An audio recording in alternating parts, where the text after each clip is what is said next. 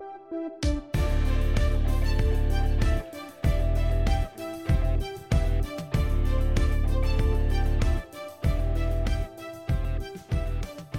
och välkomna till Förhandlingspodden. Det har jag inte sagt på ett tag, eh, därför att det har varit eh, ett litet uppehåll. Jag brukar ju lägga upp det på det sättet att eh, vi kör en, en säsong på hösten, eh, 8-10 avsnitt och sen blir det paus och så är det en säsong på våren. Och eh, det är lite för att ja, jag känner att det, det, jag vill gärna ha energi, känna inspiration och ja, då blir det, det här säsongsupplägget tycker jag funkar bra. Och för andra har jag lite andra saker att pyssla med också på dagarna än att podda. Så att eh, därför är det så. Och varför har det här nu dröjt? För vårsäsongen brukar dra igång i mars och det var också tanken att det skulle gjort det. Jag hade en väldigt spännande idé att dra igång tema metaverse. Men eh, den här Putin kom emellan det kändes fel att liksom dra igång det där någon vecka efter att eh, han försöker jämna Ukraina med marken. Eh, ett Ukraina som, där jag varit ett par gånger, har vänner där. Jag har också engagerad i bolag som har anställd personal och så här, Det här kom ganska nära mig och jag, ja, det gjorde att jag eh, fick sätta lite stopp för planerna att dra igång det som jag hade tänkt och istället har jag väntat in och känt efter och vad ska man göra nu och så vidare. Och väl bara rent allmänt känt att, att den här poddsäsongen känns ganska irrelevant i jämförelse. Men eh, nu är det upp på hästen igen och eh, med ett lite annat tema dock. Det här är Förhandlingspodden. Det här är säsong 13 Eh, ni minns att förra säsongen hade vi tema börs. Eh, fick mycket bra feedback angående det. Nu är det förhandla i förändring. Vi ska hantera den här situationen som vi nu är i. Vi har ett krig, men vi har också en helt väldigt förändrad räntemiljö. Eh, vi har skenande priser på många, många områden och det här är någonting där jag i min roll som advokat, som förhandlare, nu dagligen får hantera. Vi har inte råd att betala de här priserna. Kan vi komma ur det här avtalet? Karl, nu ska vi köpa ett företag. Eh, normalt sett så hade det här företaget värderats enligt den här modellen. Hur mycket är det värt nu? Vad händer? På något sätt allt det vi har lärt oss under ett antal år äger inte längre sin giltighet. Det är nya principer som gäller. Och eh, det är det här vi ska prata om. Vi ska bena ut det här lite. Eh, för jag tror att det här är saker som ni behöver ha med er. Jag tror att det är inte bara jag som har en vardag där de här frågorna liksom mejslas in. Och det är ju inte bara, det är ju allt från vardagen. Hur hanterar man sina bolån? Hur, hur kan man liksom hantera sina levnadsomkostnader i tider av, av inflation? Till, som sagt, andra saker. Vi, vi ska ta vårt avstamp i, i lite kommande avsnitt kring ren juridik bara. Eh, vad är grunden egentligen? Hur, hur hanterar man en situation när det blir förändring. Eh, vilka avtal kan man komma ur? Eh, hur ska man hantera sådana saker? Eller ska man tvärtom inte försöka komma ur dem?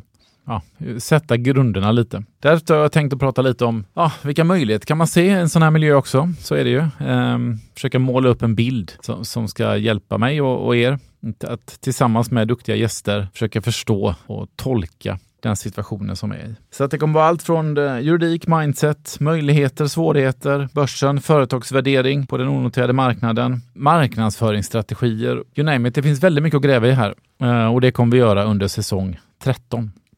Så eh, ja, det är en del av er där ute som tjatar på mig. Karl, när ska du dra igång podden? Och det gör jag nu. Jag hoppas ju såklart att ni är taggade för detta. Som jag ibland brukar säga så, så vet ni att den här podden gör jag dels ihop med min eminenta kollega här på Max, Susanne Karlsson, som, som är en förutsättning för den här poddens existens, väldigt viktig. Också Simon Löving som, som eh, är vänlig nog och klipper den så att ni eh, ska få alltid ett professionellt och snyggt format. Men jag är också beroende av er. Jag tycker att den, det här är liksom inte, ja, det är inte så att jag sitter och rullar tummarna på dagarna, utan jag gör det här för att jag känner att ja, men jag får mycket feedback. Tack Carl, jag lärde mig av det här avsnittet. Det här avsnittet gjorde, det du sa, eller det gästen sa i det här avsnittet hade jag med mig i den här situationen. Så jag kommer gärna med sån feedback, men också med egna tankar om, om gäster, om vinklar, om saker som ni vill ska behandlas i den här podden.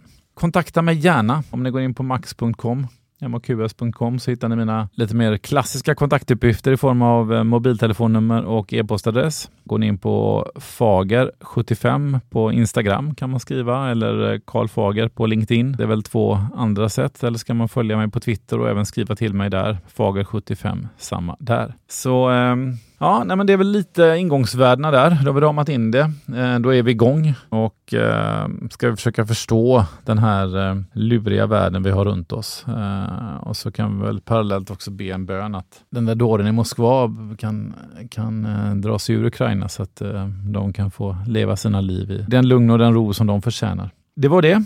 Eh, det här var bara som en liten teaser, som en, eh, en liten eh, puff på att nu är vi igång. Som vanligt när det gäller förhandlingspodden så ges vi ut normalt sett om inga missöden inträffar varje tisdag. Så att jag hoppas att ni prenumererar. Tipsa gärna vänner och bekanta. Och om ni inte kan hålla er nu, ett avsnitt här på bara 6-7 minuter, det var tråkigt, så finns det över 100 avsnitt från säsong 1 från 2016 och framåt. Där kan man väl gå in och lyssna lite. I de här tråkiga krigstiderna så har det exempelvis slagit mig att, jag vet inte om ni har läst om de här humanitära korridorerna. Eh, om ni går in och lyssnar på avsnittet med Jan Eliasson så kan ni få bakgrunden till det begreppet, hur, hur det kom fram eh, och eh, på vilket sätt det till och med blev i, i, i den konflikten han var verksam för många år sedan. De orden blev liksom själva lösningen på, på en svår situation. Med det sagt, nu eh, kör vi igen. Så att, eh, jag hoppas att ni alla hänger med.